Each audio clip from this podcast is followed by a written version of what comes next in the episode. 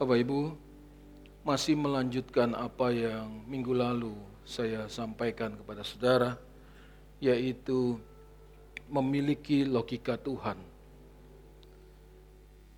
Ketahuilah bahwa semakin kita belajar kebenaran, semakin kita menjumpai bahwa logika yang Tuhan Yesus ajarkan di dalam Injilnya itu bertolak belakang dengan logika yang ada di dalam dunia ini yang justru selama ini kita terima dan kita serap. Saya ulangi sekali lagi, semakin kita mengerti kebenaran, atau belajar dan mengerti kebenaran, semakin kita menjumpai sebuah kenyataan bahwa logika yang Tuhan Yesus ajarkan yang kita bisa temukan di dalam kitab Injilnya itu bertolak belakang bahkan berlawanan dengan logika yang ada di dalam dunia ini yang justru logika yang ada di dalam dunia ini kita serap dan kita terima sejak kita lahir di muka bumi ini.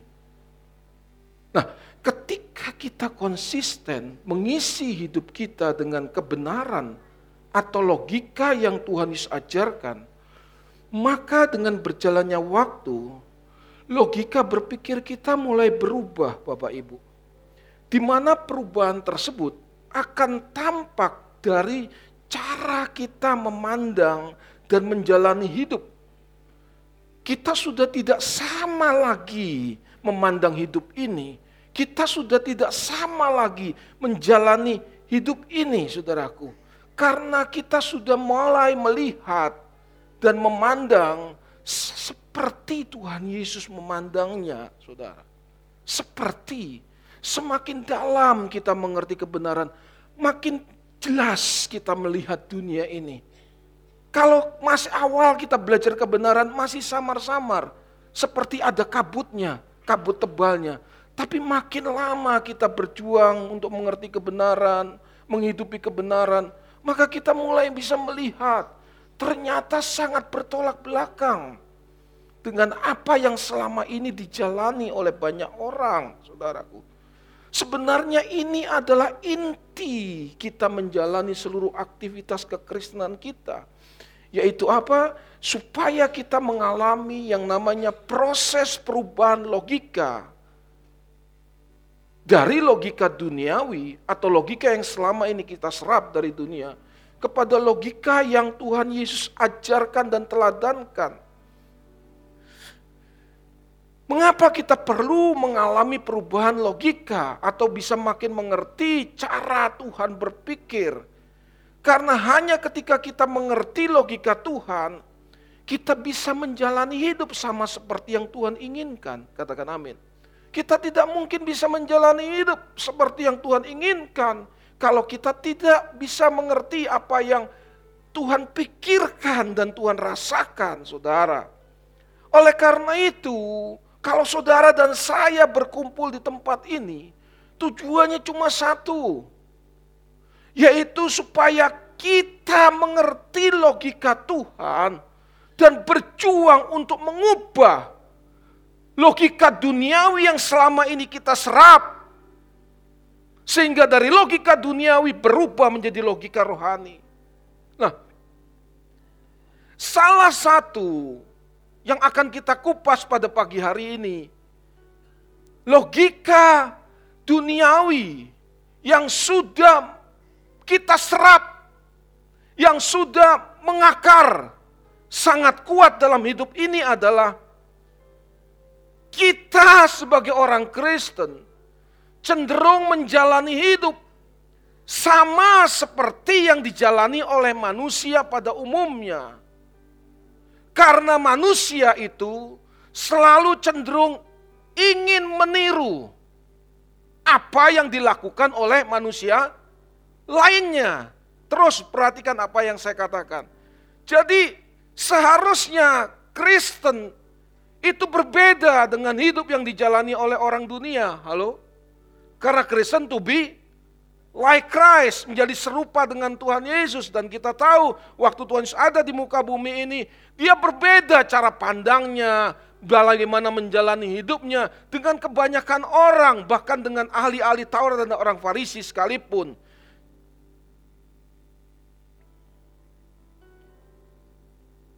Tapi masalahnya kekristenan hari ini adalah kita sama menjalani hidup seperti kebanyakan orang menjalaninya.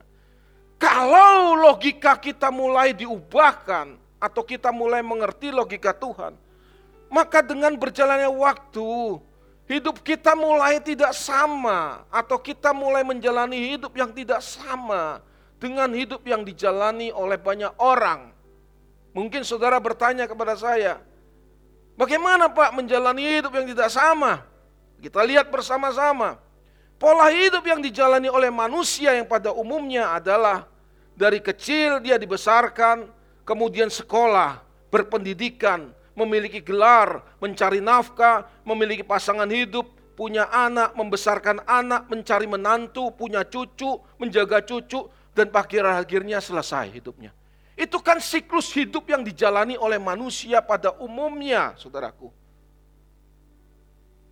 Bahkan secara logika, saudara, banyak orang sudah tidak mungkin bisa lagi menikmati hidup yang dunia ini tawarkan, entah karena sakit, entah karena dia tidak punya kemampuan, benar-benar sudah tidak punya kemampuan untuk bisa menikmati hidup yang dunia tawarkan. Tetapi ironisnya, banyak orang Kristen masih berharap dan berusaha untuk bisa dibahagiakan oleh dunia. Sebelum saya mengerti kebenaran-kebenaran seperti ini, saya pun menjalani pola hidup seperti ini. Tetapi semakin saya mengerti kebenaran, saya makin menyadari ini yang saya mau katakan. Di balik saya harus menjalani siklus hidup yang sama seperti yang dijalani oleh manusia pada umumnya yaitu lahir, dibesarkan, sekolah, berprestasi, terus bekerja, mencari nafkah, menikah, dan seterusnya. Semua orang pasti melewati siklus hidup itu. Tetapi dengar baik, di balik setiap kita menjalani siklus hidup seperti ini, kalau kita mengerti logika Tuhan, kita akan mengisi setiap siklus itu. Bahkan setiap saat, bukan cuma sekedar setiap siklus, tapi setiap saat hidup yang kita jalani untuk meraih perkenanan Tuhan, saudaraku. Inilah bedanya orang yang mengerti dan menghayati logika Tuhan dengan orang yang tidak mengerti dan menghayati logika Tuhan. Jadi begini saudaraku.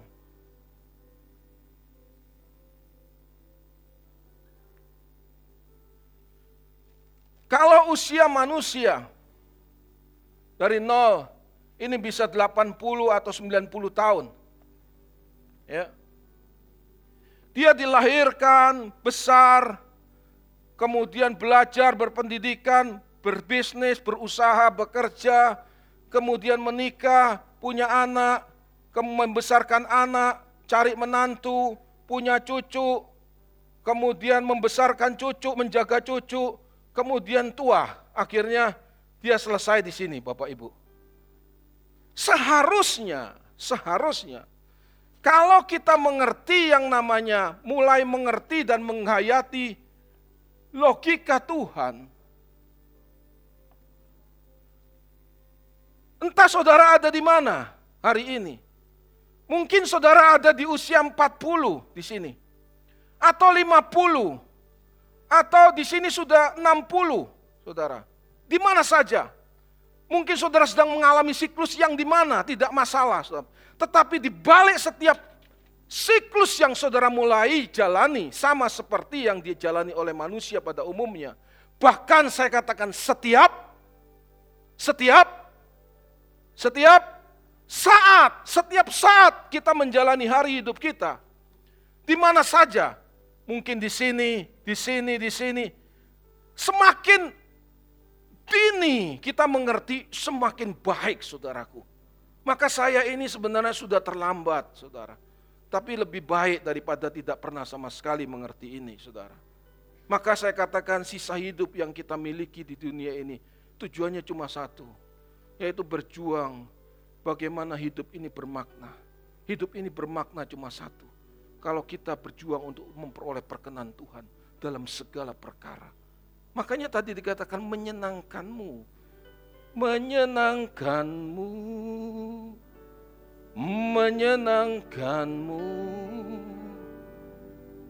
Dan, dan kapan pun dalam segala perkara menyenangkanmu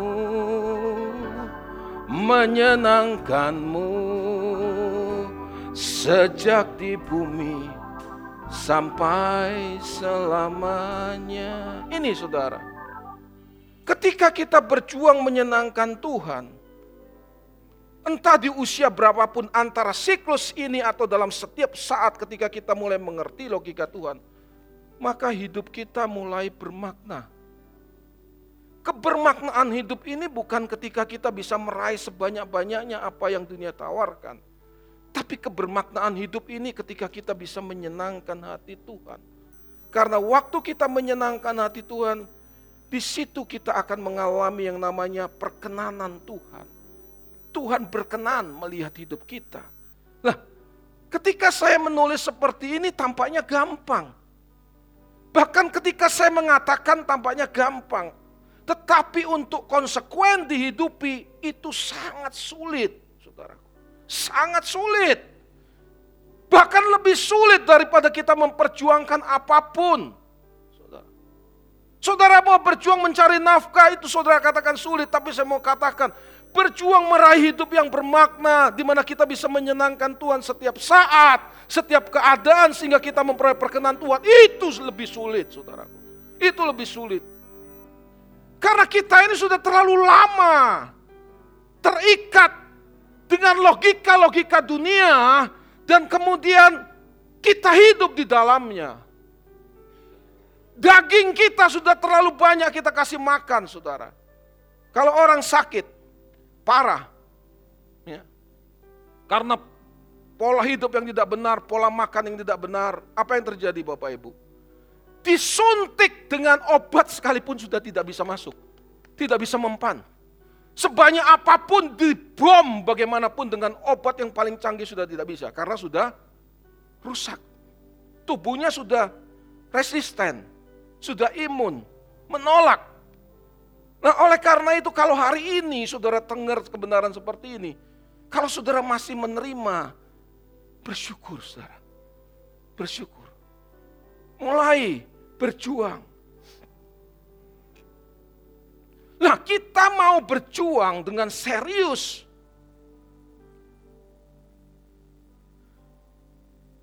Untuk mengisi hari hidup kita dengan hal-hal yang berkenan kepada Tuhan. Kenapa Bapak Ibu? Karena kita yakini bahwa ada kehidupan yang lebih baik yang Tuhan sediakan di balik kubur kita. Halo? Ada kehidupan yang lebih baik. Paulus mengerti hal ini. Dia meyakini hal ini. Makanya di dalam 1 Korintus pasal yang ke-15, ayat yang ke-32 dia katakan, kalau hanya berdasarkan pertimbangan-pertimbangan manusia saja, aku telah berjuang melawan binatang buas di Efesus, apakah gunanya hal itu bagiku? Jika orang mati tidak dibangkitkan, maka marilah kita makan dan minum sebab besok kita mati. Paulus mengharapkan ada sebuah kebangkitan dari orang mati. Maka dia all out berjuang untuk menjalani hidup bagaimana menjalani hidup yang berkenan. Tujuannya cuma satu, supaya ia bisa memperoleh kebangkitan dari orang mati dan dia bersatu dengan Tuhan untuk selama-lamanya. Sesungguhnya saudara, kita harus mengerti bahwa Tuhan Yesus datang ke dunia ini. Tujuannya adalah untuk membagikan hidupnya. Membagikan hidupnya. Supaya setiap orang yang menerimanya bisa menjalani hidup seperti yang dijalaninya. Katakan amin. Halo? Saudara masih bersama saya? Saudara mengerti apa yang saya sampaikan? Jadi Tuhan Yesus Tujuan Tuhan yang datang ke dunia selama ini hanya dipahami dia menyelamatkan do, menyelamatkan umat manusia mengangkat dosa. Benar. Tapi konkretnya bagaimana? Supaya ketika dosa kita diangkat, dosa kita diampuni, kita tidak berbuat dosa lagi. Halo? Kita tidak terus-menerus jatuh dalam dosa yang sama. Bagaimana? Tidak ada cara lain. Dia datang ke dunia, dia berikan hidupnya supaya orang yang menerimanya bisa melihat hidupnya dan mengikuti jejak hidupnya. Dan itulah yang membuat kita diselamatkan. Berikan tepuk tangan yang meriah untuk Tuhan. Diselamatkan. Hanya ketika seseorang mau menerima hidup yang Tuhan Yesus bagikan, ia akan mengerti apa yang Tuhan Yesus pikirkan dan Tuhan rasakan. Halo? Inilah yang disebut dengan mengalami proses perubahan logika dari logika duniawi kepada logika rohani. Mungkin saudara bertanya kepada saya, apakah saya sudah memiliki logika rohani? Saya akan jawab dengan jujur kepada saudara, saya sedang bergumul untuk membangun logika rohani ini. Saya pun ingin di balik pergumulan demi pergumulan yang saya alami, saudara pun bisa sama-sama bergumul dengan saya, sama-sama berjuang dengan saya. Kalau saya membagikan kebenaran ini kepada orang lain, atau orang yang belum pernah mendengar kebenaran seperti ini, mungkin ada orang yang yang baru pertama kali mendengar kebenaran seperti ini datang di tempat ini, saudaraku. Maka Sulit. Sulit saudara untuk bisa menerima. Cenderung akan dianggap aneh. Tidak masuk akal. Bahkan seolah-olah saudara kalau saya ada di luar komunitas ini atau di luar komunitas yang sudah terbiasa berusaha untuk membangun hidupnya sesuai dengan kebenaran yang Tuhan Yesus ajarkan. Kita bicara seperti menabrak tembok, saudara. Kita bicara seperti menabrak tembok. Tapi hari-hari ini kalau saudara saya bicara di tempat ini, saudara bisa menerima apa yang saya katakan. Hal itu kenapa bisa diterima? Karena dengar baik, kebenaran demi kebenaran yang sudah saudara terima selama ini membuat saudara takjub dan kagum akan Tuhan. Bukan kepada pembicaranya. Tapi mulia, saudara mulai kagum akan Tuhan. Sehingga kebenaran itu mulai merestorasi logika berpikir saudara. Makanya saudara bisa menerima apa yang saudara saya ajarkan di tempat ini. Tetapi Bapak Ibu tidak boleh puas hanya sampai menerima ajaran-ajaran seperti ini. Karena menerima belum tentu dengar baik secara otomatis bisa menghidupinya. Menerima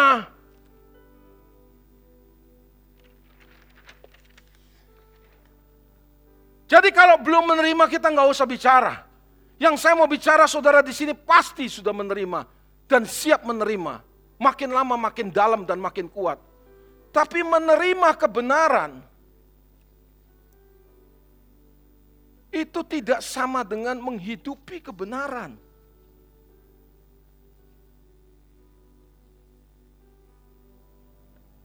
Antara menerima kebenaran sampai menghidupi kebenaran. Ini ada yang namanya proses perjuangan dan ketekunan, saudaraku.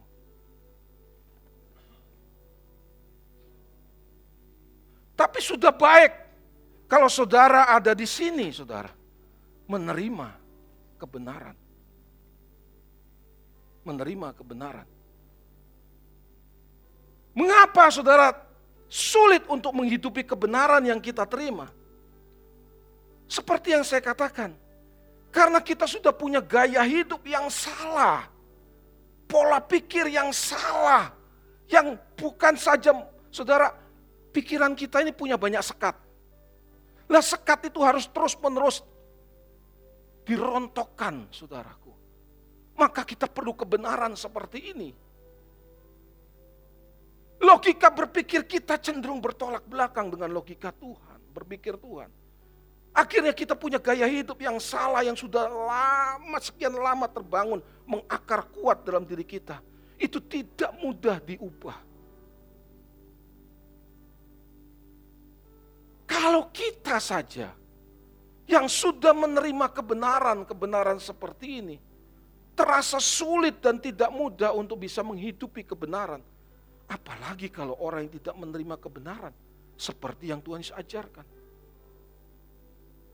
Masalahnya gereja Tuhan tidak mengajarkan kebenaran. Seperti yang Tuhan Yesus ajarkan. Banyak dari gereja Tuhan. Tidak mengajarkan kebenaran. Ciri-ciri tidak mengajar kebenaran adalah fokus hidup jemaat. Tidak pernah berubah. Seharusnya semakin kita mengerti kebenaran, fokus hidup kita orang percaya harus berubah. Dari apa yang semula kita kejar yaitu dunia dan semua kesenangan yang ditawarkan. Yang semua itu fana kepada sesuatu yang bersifat kekal yang Tuhan sediakan. Dan inilah yang Tuhan katakan kabar baik. Ini yang Tuhan katakan Injil. Eo Angelion, saudaraku. Itu kabar baik. Lah apa yang Tuhan tawarkan yang bersifat kekal. Itu tidak sama dengan dunia tawarkan apa yang dunia tawarkan. Makanya logika kita harus berubah. Sesungguhnya Tuhan ingin supaya setiap kita pengikutnya bisa menyadari dan menghayati apa yang Tuhan tawarkan dan Tuhan sediakan. Yaitu kehidupan yang lebih baik di langit baru, bumi baru. Katakan amin. Hanya ketika logika kita berpikir kita mulai diubahkan. Maka kita berurusan dengan Tuhan, sudah tidak lagi diarahkan pada kepentingan kita, tapi kita berurusan dengan Tuhan untuk diarahkan kepada kepentingan Tuhan supaya kita bisa mengerti dan melakukan apa yang Tuhan inginkan. Coba saudara pikir baik-baik. Kalau saudara terus-menerus cari Tuhan, supaya saudara bisa meraih kepentingan-kepentingan saudara, entah itu masalah saudara dibereskan, pekerjaan saudara menolak pekerjaan baru, saudara makin diberkati, hidup rumah tangga saudara makin dipulihkan, makin harmonis, Apa pun yang selama ini dibutuhkan oleh banyak orang atau kebanyakan orang selama ia menjalani hidup ini. Maka kita tidak punya kesempatan untuk memikirkan apa yang Tuhan inginkan untuk kita lakukan. Karena fokus hidup kita terus menerus kepada diri kita. Aku, aku, aku. Padahal kekristenan yang benar adalah fokusnya kepada Tuhan bukan kepada diri kita. Karena hanya fokus pada Tuhan, kita bisa berubah menjadi seperti yang Tuhan inginkan. Katakan amin. Kita bisa berubah menjadi seperti Tuhan inginkan. Makanya kalau kita berurusan dengan Tuhan seperti yang saya katakan, cuma satu, tujuannya supaya kita bisa mengerti dan melakukan apa yang Tuhan inginkan, bukan yang lain. Makanya Bapak Ibu Saudara sekalian kita harus tahu, Kristen itu bukan agama. Halo? Kristen bukan agama. Kristen itu way of life. Jalan hidup. Apa bedanya agama dengan jalan hidup? Agama itu usaha manusia mencari Tuhan. Supaya Tuhan bisa menjawab, memenuhi setiap kebutuhan hidupnya di dunia ini. Itu agama. Itu agama. Tapi dengar baik, Kristen bukan seperti itu. Kristen adalah way of life, jalan hidup. Artinya, kita mencari Tuhan. Bukan supaya Tuhan bisa menjawab kebutuhan kita. Tapi kita mencari Tuhan supaya kita mengerti kehendak Tuhan. Dan hanya dengan mengerti kehendak Tuhan, kita bisa melakukan kehendak Tuhan. Berikan tepuk tangan yang meriah buat Tuhan. Kita bisa mengerti kehendak Tuhan. Dan setelah kita mengerti, kita bisa punya potensi untuk melakukan. Bagaimana kita bisa melakukan kalau kita tidak mengerti? Nah inilah kekristenan sejati. Saudara. Tapi ironisnya, kekristenan seperti ini jarang kita jumpai. Sudah sangat langka kita jumpai. Kenapa? Karena banyak gereja mengajarkan orang percaya berurusan dengan Tuhan. Supaya mereka bisa meraih sebanyak-banyaknya. Apa yang dia inginkan. Dia pakai Tuhan, saudaraku. Dia pakai Tuhan untuk mempertahankan eksistensi hidupnya di dunia ini. Ini yang terjadi dengan kebanyakan gereja Kalau Kristen dilembagakan menjadi agama, ini yang terjadi saudaraku. Gereja tidak membuat orang percaya menyadari bahwa untuk meraih kehidupan kekal bersama dengan Tuhan, itu harus diperjuangkan melebihi ia berjuang untuk bisa meraih kenikmatan dan kenyamanan hidup di dunia ini. Saudara. Itu bergereja yang benar. Saya sudah tidak peduli lagi orang menganggap gereja ini sesat. Atau apa yang saya ajarkan sesat. Karena saya mau mempertanggungjawabkan hidup saya di hadapan Tuhan, saudara. Akibat ajaran-ajaran yang memanfaatkan Tuhan untuk meraih kepentingannya, maka orang Kristen berurusan dengan Tuhan hanya supaya bisa memperoleh kehidupan yang lebih baik di dunia ini. Tetapi mengabaikan kehidupan kekalnya, saudaraku. Pasti itu. Mungkin saudara bertanya kepada saya, tapi Pak, kita kan bisa meraih keduanya.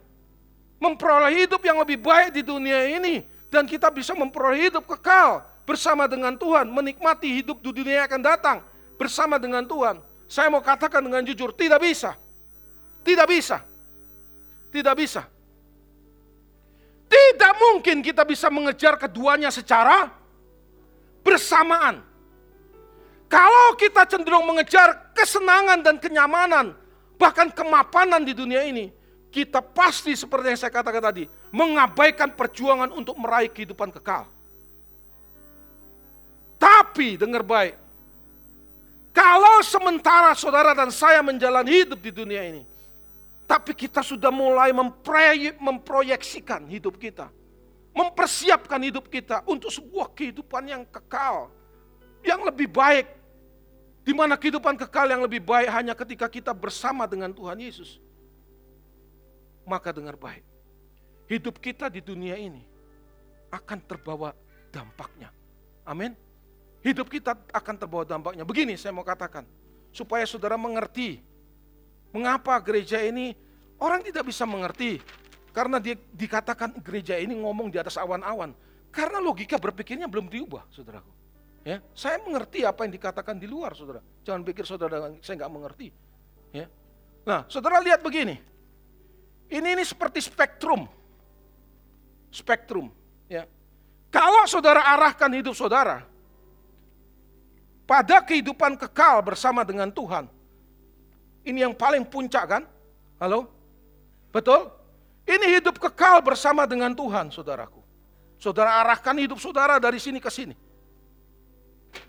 Sementara saudara masih hidup di di dunia ini. Saudara masih hidup di dunia. Mungkin usia kita ada di sini, saudaraku. Tapi kita sudah mengarahkan hidup kita di sini. Pada kekekalan. Sementara kita masih hidup di dunia ini. Apa yang terjadi Bapak Ibu? Ini yang saya mau katakan kepada saudara. Saudara mau katakan ini pekerjaan. Saudara mau katakan ini berkat. Saudara mau katakan ini kesehatan, saudara mau katakan ini rumah tangga, apa pun pemulihan, ikut terkena dampaknya saudaraku. Halo? Mengerti maksud saya? Tapi kalau saudara mengejar kebahagiaan di sini, belum tentu bisa meraih ini. Tapi kalau saudara berjuang meraih ini, ini semua include otomatis menjadi bagian kita. Berikan tepuk tangan yang meriah buat Tuhan. Ini yang harus kita mengerti Bapak Ibu. Kita bukan ngawur. Kita mau serius. Kita arahkan hidup kita di sini. Pasti Tuhan pelihara kita di sini. Tapi kalau sudah mengejar di sini belum tentu dan tidak mungkin sudah bisa meraih ini, saudaraku. Jadi kalau kita mau jujur, banyak orang berurusan dengan Tuhan. Tujuannya adalah, saya mau katakan kepada saudara, memanfaatkan Tuhan untuk meraih tujuan-tujuannya. Makanya ketika Tuhan Yesus mengajarkan kepada murid-muridnya, menjelang ia meninggalkan mereka, naik ke surga. Alkitab berkata, ia mengadakan perjamuan dengan murid-muridnya. Dan dia berkata, inilah tubuhku, inilah darahku, makanlah dan minumlah. Ketika Tuhan Yesus mengajarkan murid-muridnya untuk makan tubuhnya dan minum darahnya, mereka tidak bisa terima. Karena mereka berpikir bagaimana mungkin mereka bisa makan tubuh manusia atau darah manusia. Ini kan kanibal. Sama seperti Sumanto. Halo? Iya makan daging. Tidak bisa dimengerti. Tapi saudara harus mengerti. Maksud Tuhan Yesus mengatakan hal ini adalah ia ingin murid-muridnya mengerti. Dengar baik. Apa yang saya katakan ini tidak sama dengan yang saya katakan minggu lalu. Ada extendednya kalau saudara memperhatikan. Apa yang Tuhan Yesus katakan ini sebenarnya ia ingin murid-muridnya sejak hari itu mengerti bahwa tidak lama lagi ia akan berpisah dan meninggalkan mereka. Halo? Sebelum ia meninggalkan mereka, Tuhan mau. Murid-muridnya sudah mulai mengerti untuk mengenakan gairahnya mengenakan gairahnya.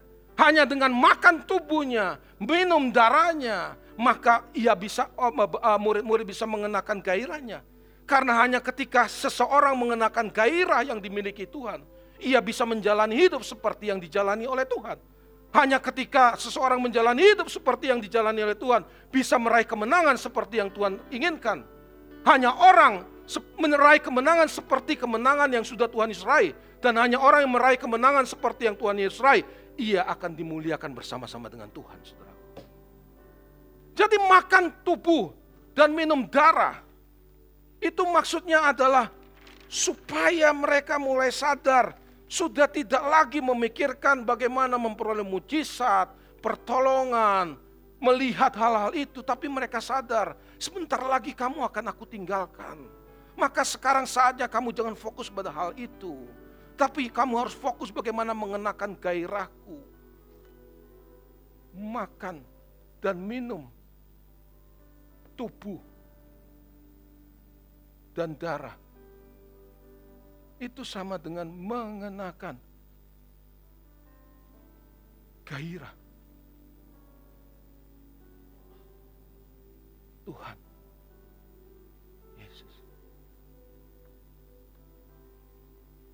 Hanya dengan mengenakan gairah Tuhan, maka kita bisa menjalani hidup.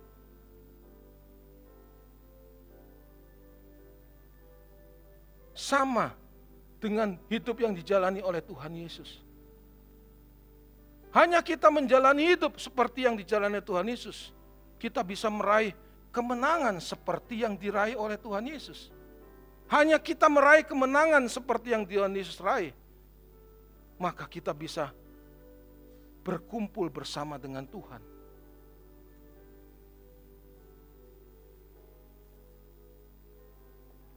Inilah inti Kristen, saudaraku. Inilah inti Tuhan datang ke dunia. Jadi menjelang Tuhan Yesus mengakhiri pelayanannya di bumi, ia ingin agar murid-muridnya sadar bahwa sudah saatnya mereka mengikutinya bukan hanya untuk dengar baik, memanfaatkan kuasanya untuk bisa meraih dunia. Tapi Tuhan Yesus ingin membuka pikiran mereka di mana sudah saatnya mereka belajar untuk mengenakan hidup yang sudah Tuhan Yesus kenakan dalam kehidupan yang mereka jalani. Karena hanya dengan cara ini mereka bisa dikumpulkan bersama-sama dengan Tuhan dengan dalam keabadian. Masalahnya apa yang Tuhan Yesus inginkan? Tidak nyambung. Halo? Dengan apa yang mereka inginkan. Halo? Tidak nyambung. Dengan apa yang mereka inginkan. Tuhan kan ingin mereka sejak mulai saat itu, murid-muridnya belajar untuk memiliki gairahnya. Halo? Supaya bisa meraih ini, menjalani hidup, meraih kemenangan dan bisa berkumpul bersama dengan Tuhan. Itu keinginan Tuhan. Maka dikatakan makan tubuhku dan minum darahku.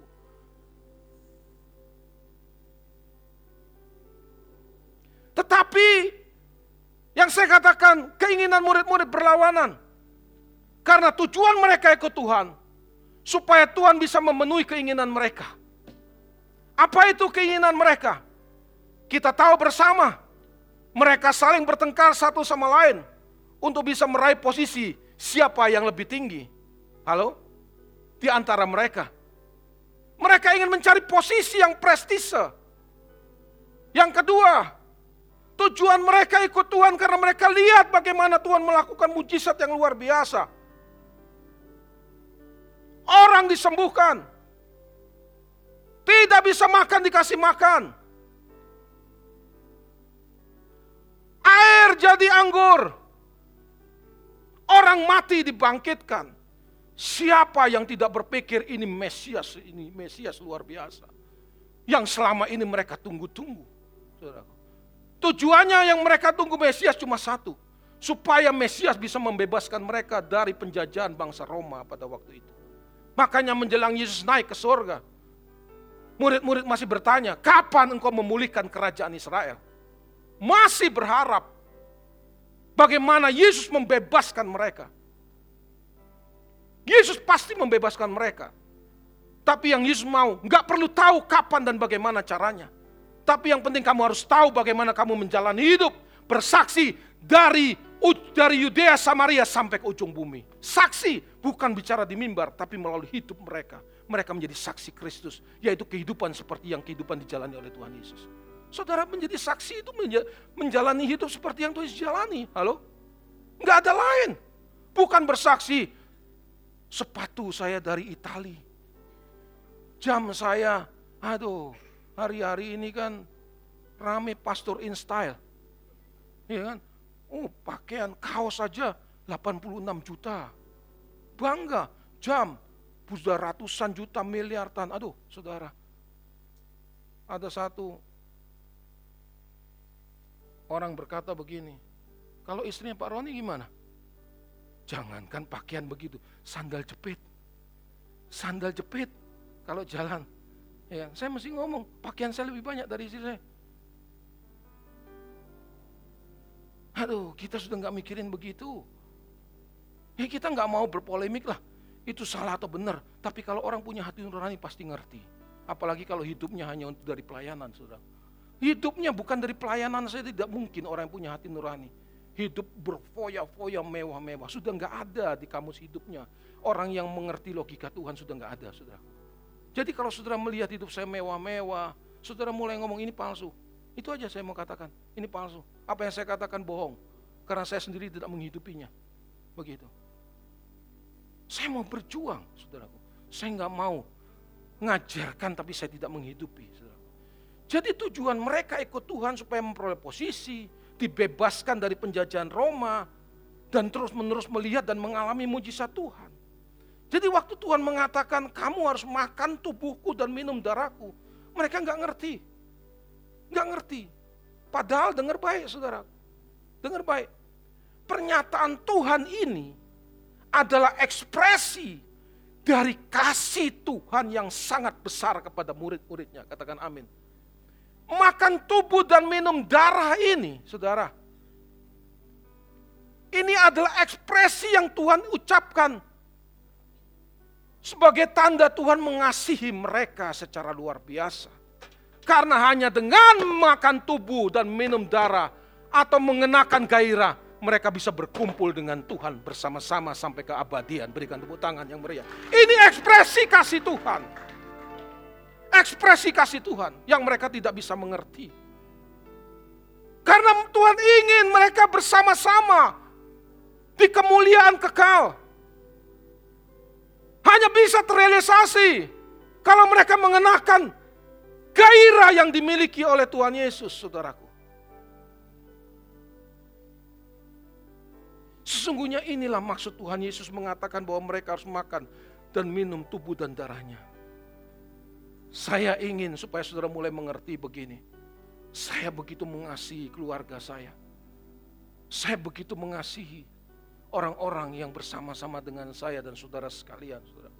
Saya mengasihi. Dan saya pasti pula berulang-ulang mengatakan, saya ingin bersama-sama dengan saudara nanti di kemuliaan kekal, bukan cuma sekedar di bumi ini. Tapi semakin saya tahu kebenaran, saya masih jujur berkata, nggak mudah untuk bisa kumpul kembali di kekekalan kalau kita tidak memiliki perjuangan yang sama. Hanya orang yang memiliki perjuangan yang sama yang akan berkumpul kembali di kemuliaan kekal Tuhan. Makanya saya bisa mengerti kalau Tuhan Yesus berkata, barang siapa tidak membenci ayahnya, tidak membenci ibunya, tidak membenci saudara laki-lakinya, saudara perempuan, anaknya, laki-laki anaknya perempuan, ia tidak layak menjadi muridku. Seringkali kita pikir Tuhan ini egois. Kenapa harus membenci? Sebenarnya yang Tuhan maksudkan adalah, kalau kamu tidak bertumbuh mengasihi aku lebih daripada kamu mengasihi orang yang paling kamu kasih di dunia. Di dunia ini. Kamu tidak mungkin bisa mengasihi mereka dengan cara yang benar. Itu maksud Tuhan. Kamu hanya bisa mengasihi mereka dengan cara benar kalau kamu belajar mengasihi aku lebih dahulu, lebih daripada kamu mengasihi mereka. Coba lihat, saya ulang sekali lagi, terus menerus. Orang tua yang punya banyak harta, dia akan terus cari harta sebanyak mungkin. Tujuannya cuma satu, supaya ia meninggalkan warisan harta kepada anak cucunya, saudaraku. Tapi semakin banyak harta, anak cucunya menerima harta, warisan harta, semakin mereka tidak bisa menghayati, menghargai Tuhan dalam hidup mereka. Karena sudah melek mata, sudah banyak harta. Tidak ada perjuangan. Padahal usia manusia cuma singkat di dunia ini. Seharusnya dia berjuang untuk mencari Tuhan. Kadangkala melalui masalah hidup orang bisa mengenal Tuhan dengan cara benar. Halo? Tanpa kalau tidak ada masalah orang tidak mau berjuang untuk mengenal Tuhan, saudaraku. Jadi biarkan mereka berjuang di generasi mereka. Kita bukan mewariskan harta, yang kita wariskan adalah takut akan Tuhan dan teladan hidup yang benar sesuai yang Tuhan inginkan. Itu yang kita wariskan, pengenalan akan Tuhan. Itu yang harus kita wariskan kepada keturunan kita. Ini bentuk kita mengasihi. Jadi kalau saudara orang tua terus-menerus mewariskan harta, dengar baik. Dia tidak menunjukkan kasih yang benar seperti yang Tuhan inginkan. Artinya begini, tanpa dia sadari, ia sedang menjerumuskan orang-orang yang dicintai kepada kebinasaan kekal. Halo? Kepada kebinasaan kekal. Kepada kebinasaan kekal. Makanya saya katakan kepada saudara, sekali lagi saya katakan dan berulang-ulang saya akan katakan, kalau saudara mengasihi saudara-saudaramu atau orang-orang yang kau kasih ada dalam hatimu, ajak mereka terima kebenaran seperti ini. Supaya mereka bisa memiliki perjuangan yang sama seperti perjuangan yang saudara perjuangkan. Karena hanya dengan perjuangan yang sama kita bisa berkumpul bersama-sama di kemuliaan kekal Tuhan. Saudara. Beri kesempatan, cari kesempatan untuk mereka bisa terima kebenaran ini. Bukan kita merasa paling benar atau paling hebat, tapi ini benar yang Tuhan Yesus ajarkan, saudaraku. Tuhan Yesus ajarkan benar.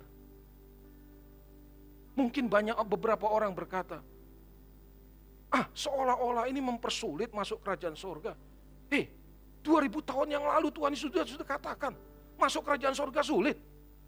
Lebih mudah seekor unta masuk ke dalam lubang jarum. Halo? Kok baru sekarang kita ngomong masuk kita mempersulit masuk kerajaan surga? Yesus yang katakan. Bukan pendeta yang katakan. Saudara pikir masuk kerajaan surga gampang? Sulit. Makanya saya yakin kalau Tuhan datang hari ini di zaman kita sekarang, saya percaya apa yang Tuhan Yesus ajarkan 2000 tahun yang lalu akan diajarkan kembali pada generasi kita. Bukan yang lain. Bukan yang lain. Makanya gereja ini ada cuma satu tujuannya. Untuk mengembalikan ajaran Tuhan Yesus. Itu aja. Mengembalikan ajaran Tuhan Yesus apa pun resikonya. Saya yakin, saya percaya. Tuhan pasti menyisakan orang-orang yang punya hati nurani yang bersih. Yang rindu untuk terima kebenaran seperti ini, saudara. Makanya saudara kalau saudara sudah terima kebenaran seperti ini, saudara akan rasa asing ketika saudara terima kebenaran yang palsu. Saudara, saudara bisa mendeteksi karena saudara sudah terbiasa bergaul dengan barang asli. Halo? Kalau saudara terbiasa bergaul dengan barang asli, sudah bisa tahu deteksi mana yang palsu. Tapi kalau saudara biasa bergaul dengan barang palsu, yang asli pun saudara akan pikir palsu. Saudara. Saudara harus tahu bahwa kita ini hidup dalam perjalanan waktu. Di mana dalam perjalanan waktu itu tidak bisa dihentikan. Tidak bisa dihentikan. Makanya kita harus mengisi perjalanan waktu itu dengan baik dan benar. Ukuran baik dan benar cuma satu. Menurut ukuran Tuhan yaitu hidup sesuai dengan kehendak Tuhan. Itulah yang saya katakan mengisi hidup dengan baik dan benar. Jika saudara menyia-nyiakan waktu hidup yang saudara jalani hanya untuk mencari kesenangan sendiri dan tidak mau berjuang untuk mengetahui kehendak Tuhan untuk dilakukan, maka ini yang saya mau katakan, di kekekalan nanti kita pasti menyesal. Pernahkah saudara merenungkan? Ekspresi paling dominan ketika seseorang di kekekalan nanti cuma satu, perasaan menyesal yang sangat dalam. Karena ketika di kekekalan nanti kita mulai bisa melihat mulai bisa melihat betapa banyaknya waktu yang sudah terbuang dengan sia-sia yang kita pergunakan untuk mencari dan mengusahakan kesenangan kita tanpa memperdulikan perasaan Tuhan, tanpa memperdulikan perasaan Tuhan. Ada seorang sahabat, dia berkata kepada saya dan saya pikir itu perkataan itu menjadi rema buat saya. Sangat menghujam kuat. Dia dulu juga punya masa lalu yang kelam sama seperti saya. Dan dia bilang begini, dulu saya begitu keras dan semangat untuk melakukan dosa. Hidup di dalam dosa saya begitu ngotot untuk hidup dalam dosa. Sekarang saya mau lebih keras lagi. Dan lebih semangat lagi. Untuk hidup menyenangkan Tuhan. Saudara. Sudah terlalu banyak waktu yang kita buang dengan sia-sia. Jangan buang lagi. Isi dengan sungguh-sungguh. Bagaimana kita bisa menyenangkan hati Tuhan? Telah banyak waktu yang sia-sia Tak ku lakukan kehendak Bapa Sekarang saatnya Sekarang saatnya Takkan ku tunda Membuktikan cintaku dengan nyata. Kerinduanku sebelum akhir hidupku melakukan yang Bapa ingini segenap hidupku sebagai persembahan yang berkenan di hadapan Tuhan. Kita harus sadar bahwa terlalu banyak waktu yang kita buang hanya mencari kesenangan kita tanpa memperdulikan kesenangan Tuhan. Tapi semakin kita mengerti logika Tuhan, kita makin sadar dan menghayati. Aku tidak boleh membuang waktu yang sia-sia lagi untuk mengikuti kesenanganku. Oleh karena itu, dalam menjalani hidup ini, kita harus sampai pada sebuah pemahaman dan penghayatan bahwa satu-satunya dunia kita hanyalah Tuhan bukan yang lain. Jadi intinya begini, kalau kita bekerja, kita berbisnis, kita ada di mana pun juga, kita berjuang untuk menjaga kesehatan, atau kita melakukan apa pun, semua kita lakukan untuk Tuhan. Supaya apa? Supaya aku bisa menjadi seperti yang Tuhan kehendaki. Inilah yang saya katakan mengumpulkan harta di sorga. Mengumpulkan harta di sorga. Di mana kita berada, apa pun yang kita kerjakan, dalam keadaan apa pun juga kita berjuang untuk menyenangkan hati Tuhan. Semua kita lakukan untuk Tuhan. Ini yang disebut mengumpulkan harta di sorga. Jadi saudara dan saya tidak boleh puas hanya sampai mendengar kebenaran. Tapi kita harus berjuang untuk menghidupinya berapapun bayarannya. Kita harus mulai belajar untuk mendeteksi, melihat hal-hal yang membuat kita tidak bisa menghidupi kebenaran. Mulai melihat kecenderungan-kecenderungan dosa yang ada di dalam diri kita, yang sangat sulit untuk kita tundukkan. Setiap orang sedang berjuang untuk mengalahkan kesenangan-kesenangan dosa yang ada di dalam dirinya Berbeda-beda, tapi setiap orang pasti ada di area itu. Ini yang harus kita perjuangkan. Sampai titik darah penghabisan, saudaraku.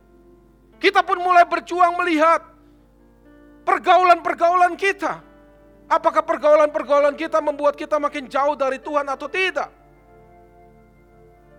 Ingat Bapak Ibu, Tuhan ingin hidup kita berubah dan berbuah. Jadi kita tidak boleh puas dengan penebusan yang Tuhan Yesus lakukan. Tetapi kita tidak pernah membereskan kecenderungan dosa yang ada dalam diri kita. Seperti yang saya katakan di awal, Tuhan ingin para pengikutnya hidupnya berkualitas. Halo? Hah? Orang Kristen merasa puas, hidup tidak berkualitas, rajin ibadah, bahkan dia ada di dalam gereja sebagai pengurus, sebagai diakon, penatua, hamba Tuhan, bahkan pendeta, tetapi berdosa jalan terus, berbuat dosa jalan terus, menipu orang terus-menerus. Dia pikir dia sudah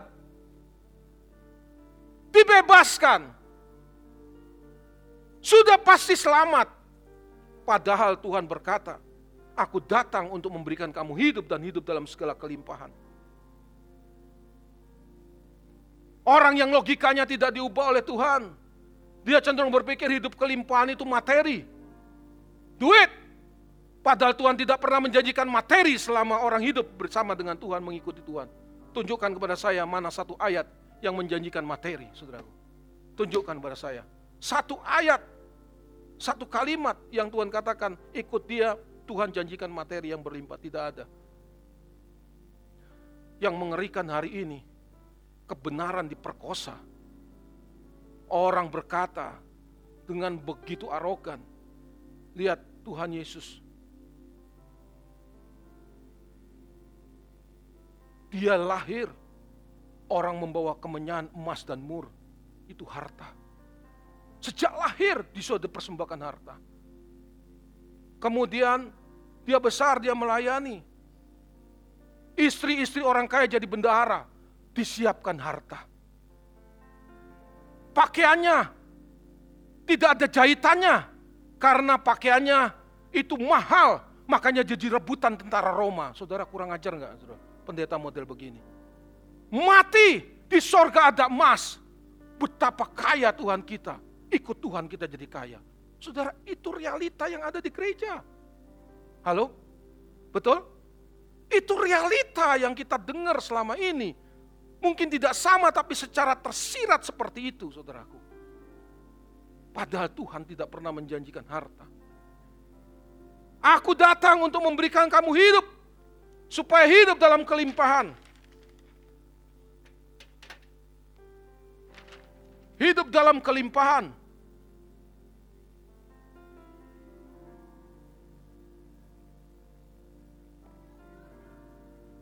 Itu sama dengan perisos. Perisos. Perisos artinya hidup yang berkualitas tinggi.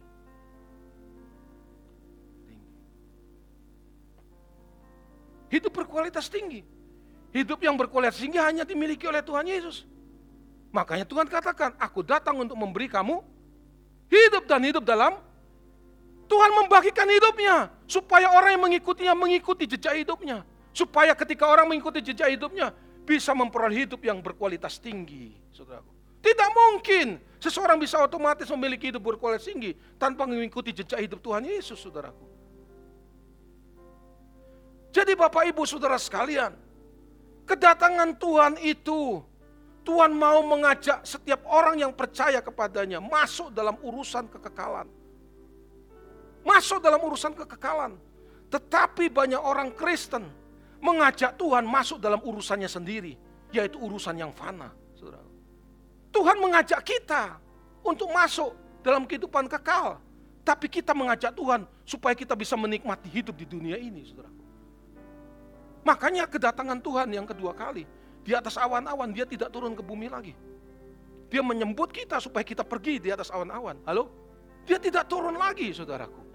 Dia tidak turun ke bumi maksud saya. Jangan menarik Tuhan masuk dalam urusan kita. Tapi kita harus menarik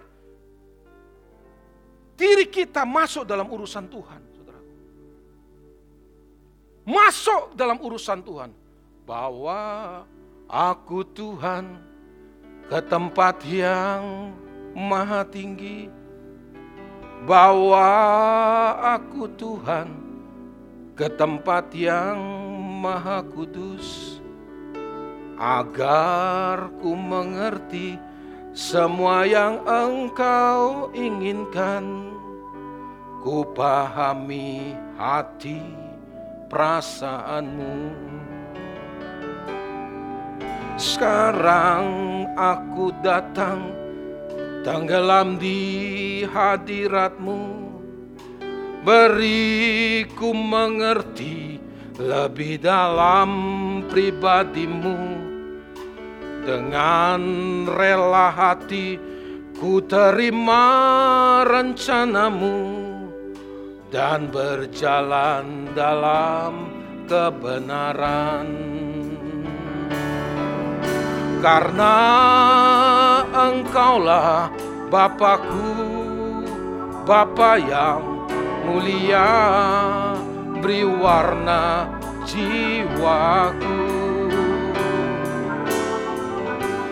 Dalammu aku teduh, ku temukan firdausku di keabadianku. Jadi seharusnya kita berjuang untuk mengerti kehendak Tuhan.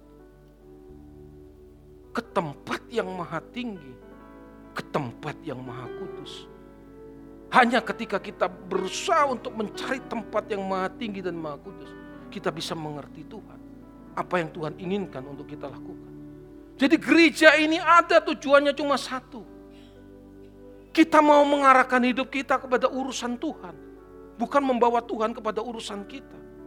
Kalau kita konsisten menghidupi ini. Dengar baik, kita akan tampak tidak makin makin tidak jelas di mata dunia. Orang akan melihat kita sesat. Kita tidak benar.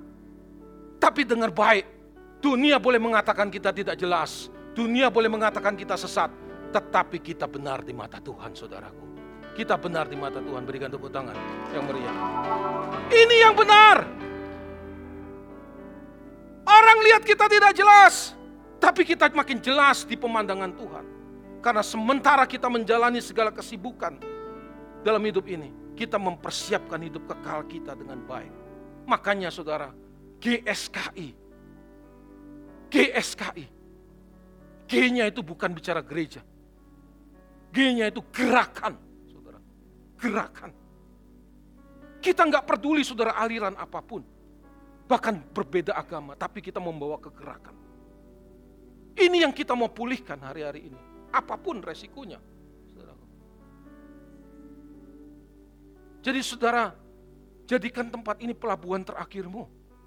Bagaimana engkau melayani pekerjaan Tuhan, bagaimana engkau melayani perasaan Tuhan. Nah,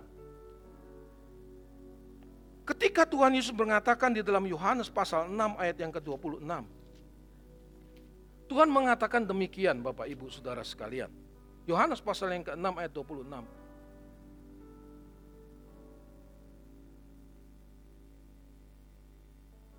Yesus menjawab mereka, Aku berkata kepadamu, sesungguhnya kamu mencari aku bukan karena kamu telah melihat tanda-tanda, melainkan kamu telah makan roti itu dan kamu kenyang. Lah, perhatikan baik-baik, tanda. Kamu mencari aku bukan kamu melihat tanda, tapi karena kamu makan roti ini dengan kenyang. Tanda artinya selalu saya katakan, Simeon, petunjuk arah, kalau saudara pergi ke sebuah tempat, ada tanda, seharusnya kita tidak berhenti di tanda itu. Tapi kita meneruskan dan kita tahu tanda itu adalah jalan di mana kita berjalan ke arah yang benar. Halo? Betul? Kita ikuti tanda sampai kita tiba di tujuan yang kita ingin tuju. Jadi tanda itu petunjuk arah. Jadi maksud Tuhan mengatakan itu begini, kamu tidak berusaha mengerti arah atau tanda. Di mana aku ingin membawa kamu ke mana. Karena kamu hanya makan roti, artinya karena kamu lebih mementingkan perutku daripada rencanaku. Kamu lebih mementingkan perut, keinginan-keinginanmu, kepentingan-kepentinganmu, kebutuhan-kebutuhanmu daripada rencanaku. Jadi Tuhan Yesus sudah menegur para pengikutnya sejak 2000 tahun yang lalu, Bapak Ibu. Mencari Tuhan jangan mencari perut. Halo? Tapi lihat tanda. Tapi ironisnya ini yang diulangi lagi oleh banyak orang Kristen. Mencari Tuhan, datang kepada Tuhan demi memperoleh pertolongan berkat mujizat. Padahal semua itu hanya hanya tanda supaya apa? Kita melanjutkan perjalanan. Hanya dengan melanjutkan perjalanan kita sampai ke tujuan, yaitu menerima hidup kekal bersama dengan Tuhan. Agar ku mengerti semua yang engkau inginkan, ku pahami perasaanmu. Sekarang ku tenggelam di hadiratmu Beriku mengerti lebih dalam pribadimu Dengan rela hati ku menerima rencanamu Dan berjalan dalam kebenaran ini yang harus kita lakukan, saudaraku. Tapi kalau kita mau jujur, kita harus katakan bahwa sering kali kita lebih mementingkan apa yang kita pandang sebagai sebuah kebutuhan daripada rencana Tuhan atas hidup kita. Makanya kita perlu kebenaran supaya logika kita berubah. Pernahkah saudara merenungkan? Ayub itu alami keadaan yang luar biasa menderita, saudara. Dirontokkan Tuhan. Kalau ia tidak dirontokkan Tuhan, ia tidak mungkin muncul seperti emas yang murni. Mari kita lihat bersama. Anak-anaknya setiap hari berpesta pora, sepuluh anaknya. Ketika ia mengalami musibah yang hebat, istrinya tidak menjadi penolong, tapi istrinya juga menjadi justru menjadi perongrong. Dia katakan, di mana Tuhanmu? Engkau sudah berbakti seperti itu, tapi engkau justru mengalami peristiwa yang sangat menjijikkan. Kutuki Tuhanmu. Saudara, sifat ini bukan jahat mendadak ini. Bukan jahat mendadak. Ini sudah terbiasa hidup jahat. Makanya saya tidak heran kalau di televisi banyak suami-suami jadi koruptor karena istri-istri. Ya, Istri-istri nuntut suaminya hidup lebih enak, lebih nyaman. Suami bingung. Ada kesempatan ngembat, diembat.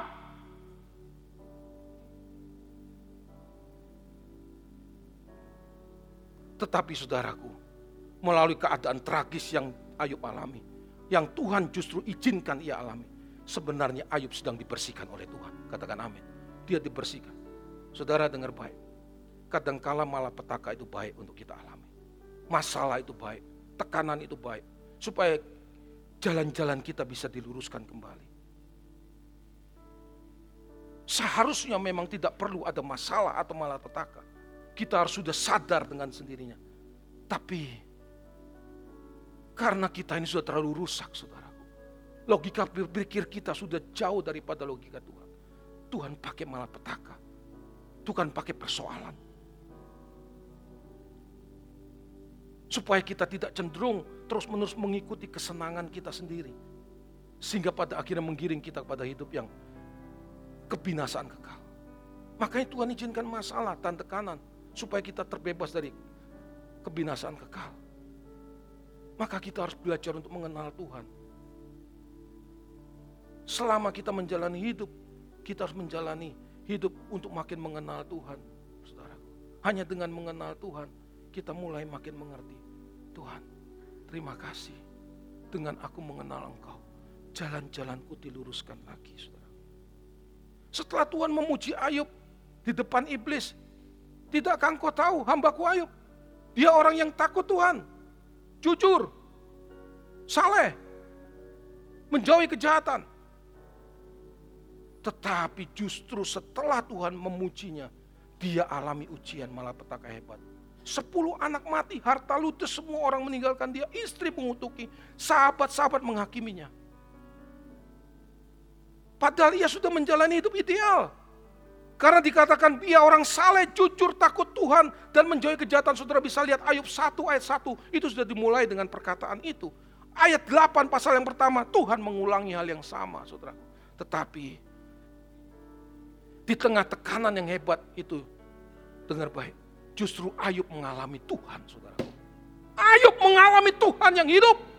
Makanya di dalam Ayub 42, ayat yang kelima, ia berkata, hanya dari kata orang aku mendengar engkau, tetapi sekarang mataku sendiri memandang engkau. Artinya gini, mata melihat sendiri, ra'ah, to approve, membuktikan melalui persoalan hidup yang dialami. Ia justru mengenal Tuhan secara pribadi karena sebelum ia mengalami Tuhan, ia hanya mengenal dari kata dari kata orang. Banyak orang hendak membuktikan kebaikan Tuhan dan kasih Tuhan dengan caranya sendiri.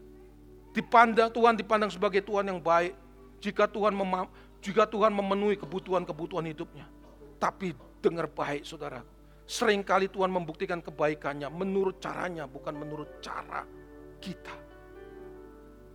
Tuhan membuktikan kasihnya menurut caranya bukan menurut cara kita.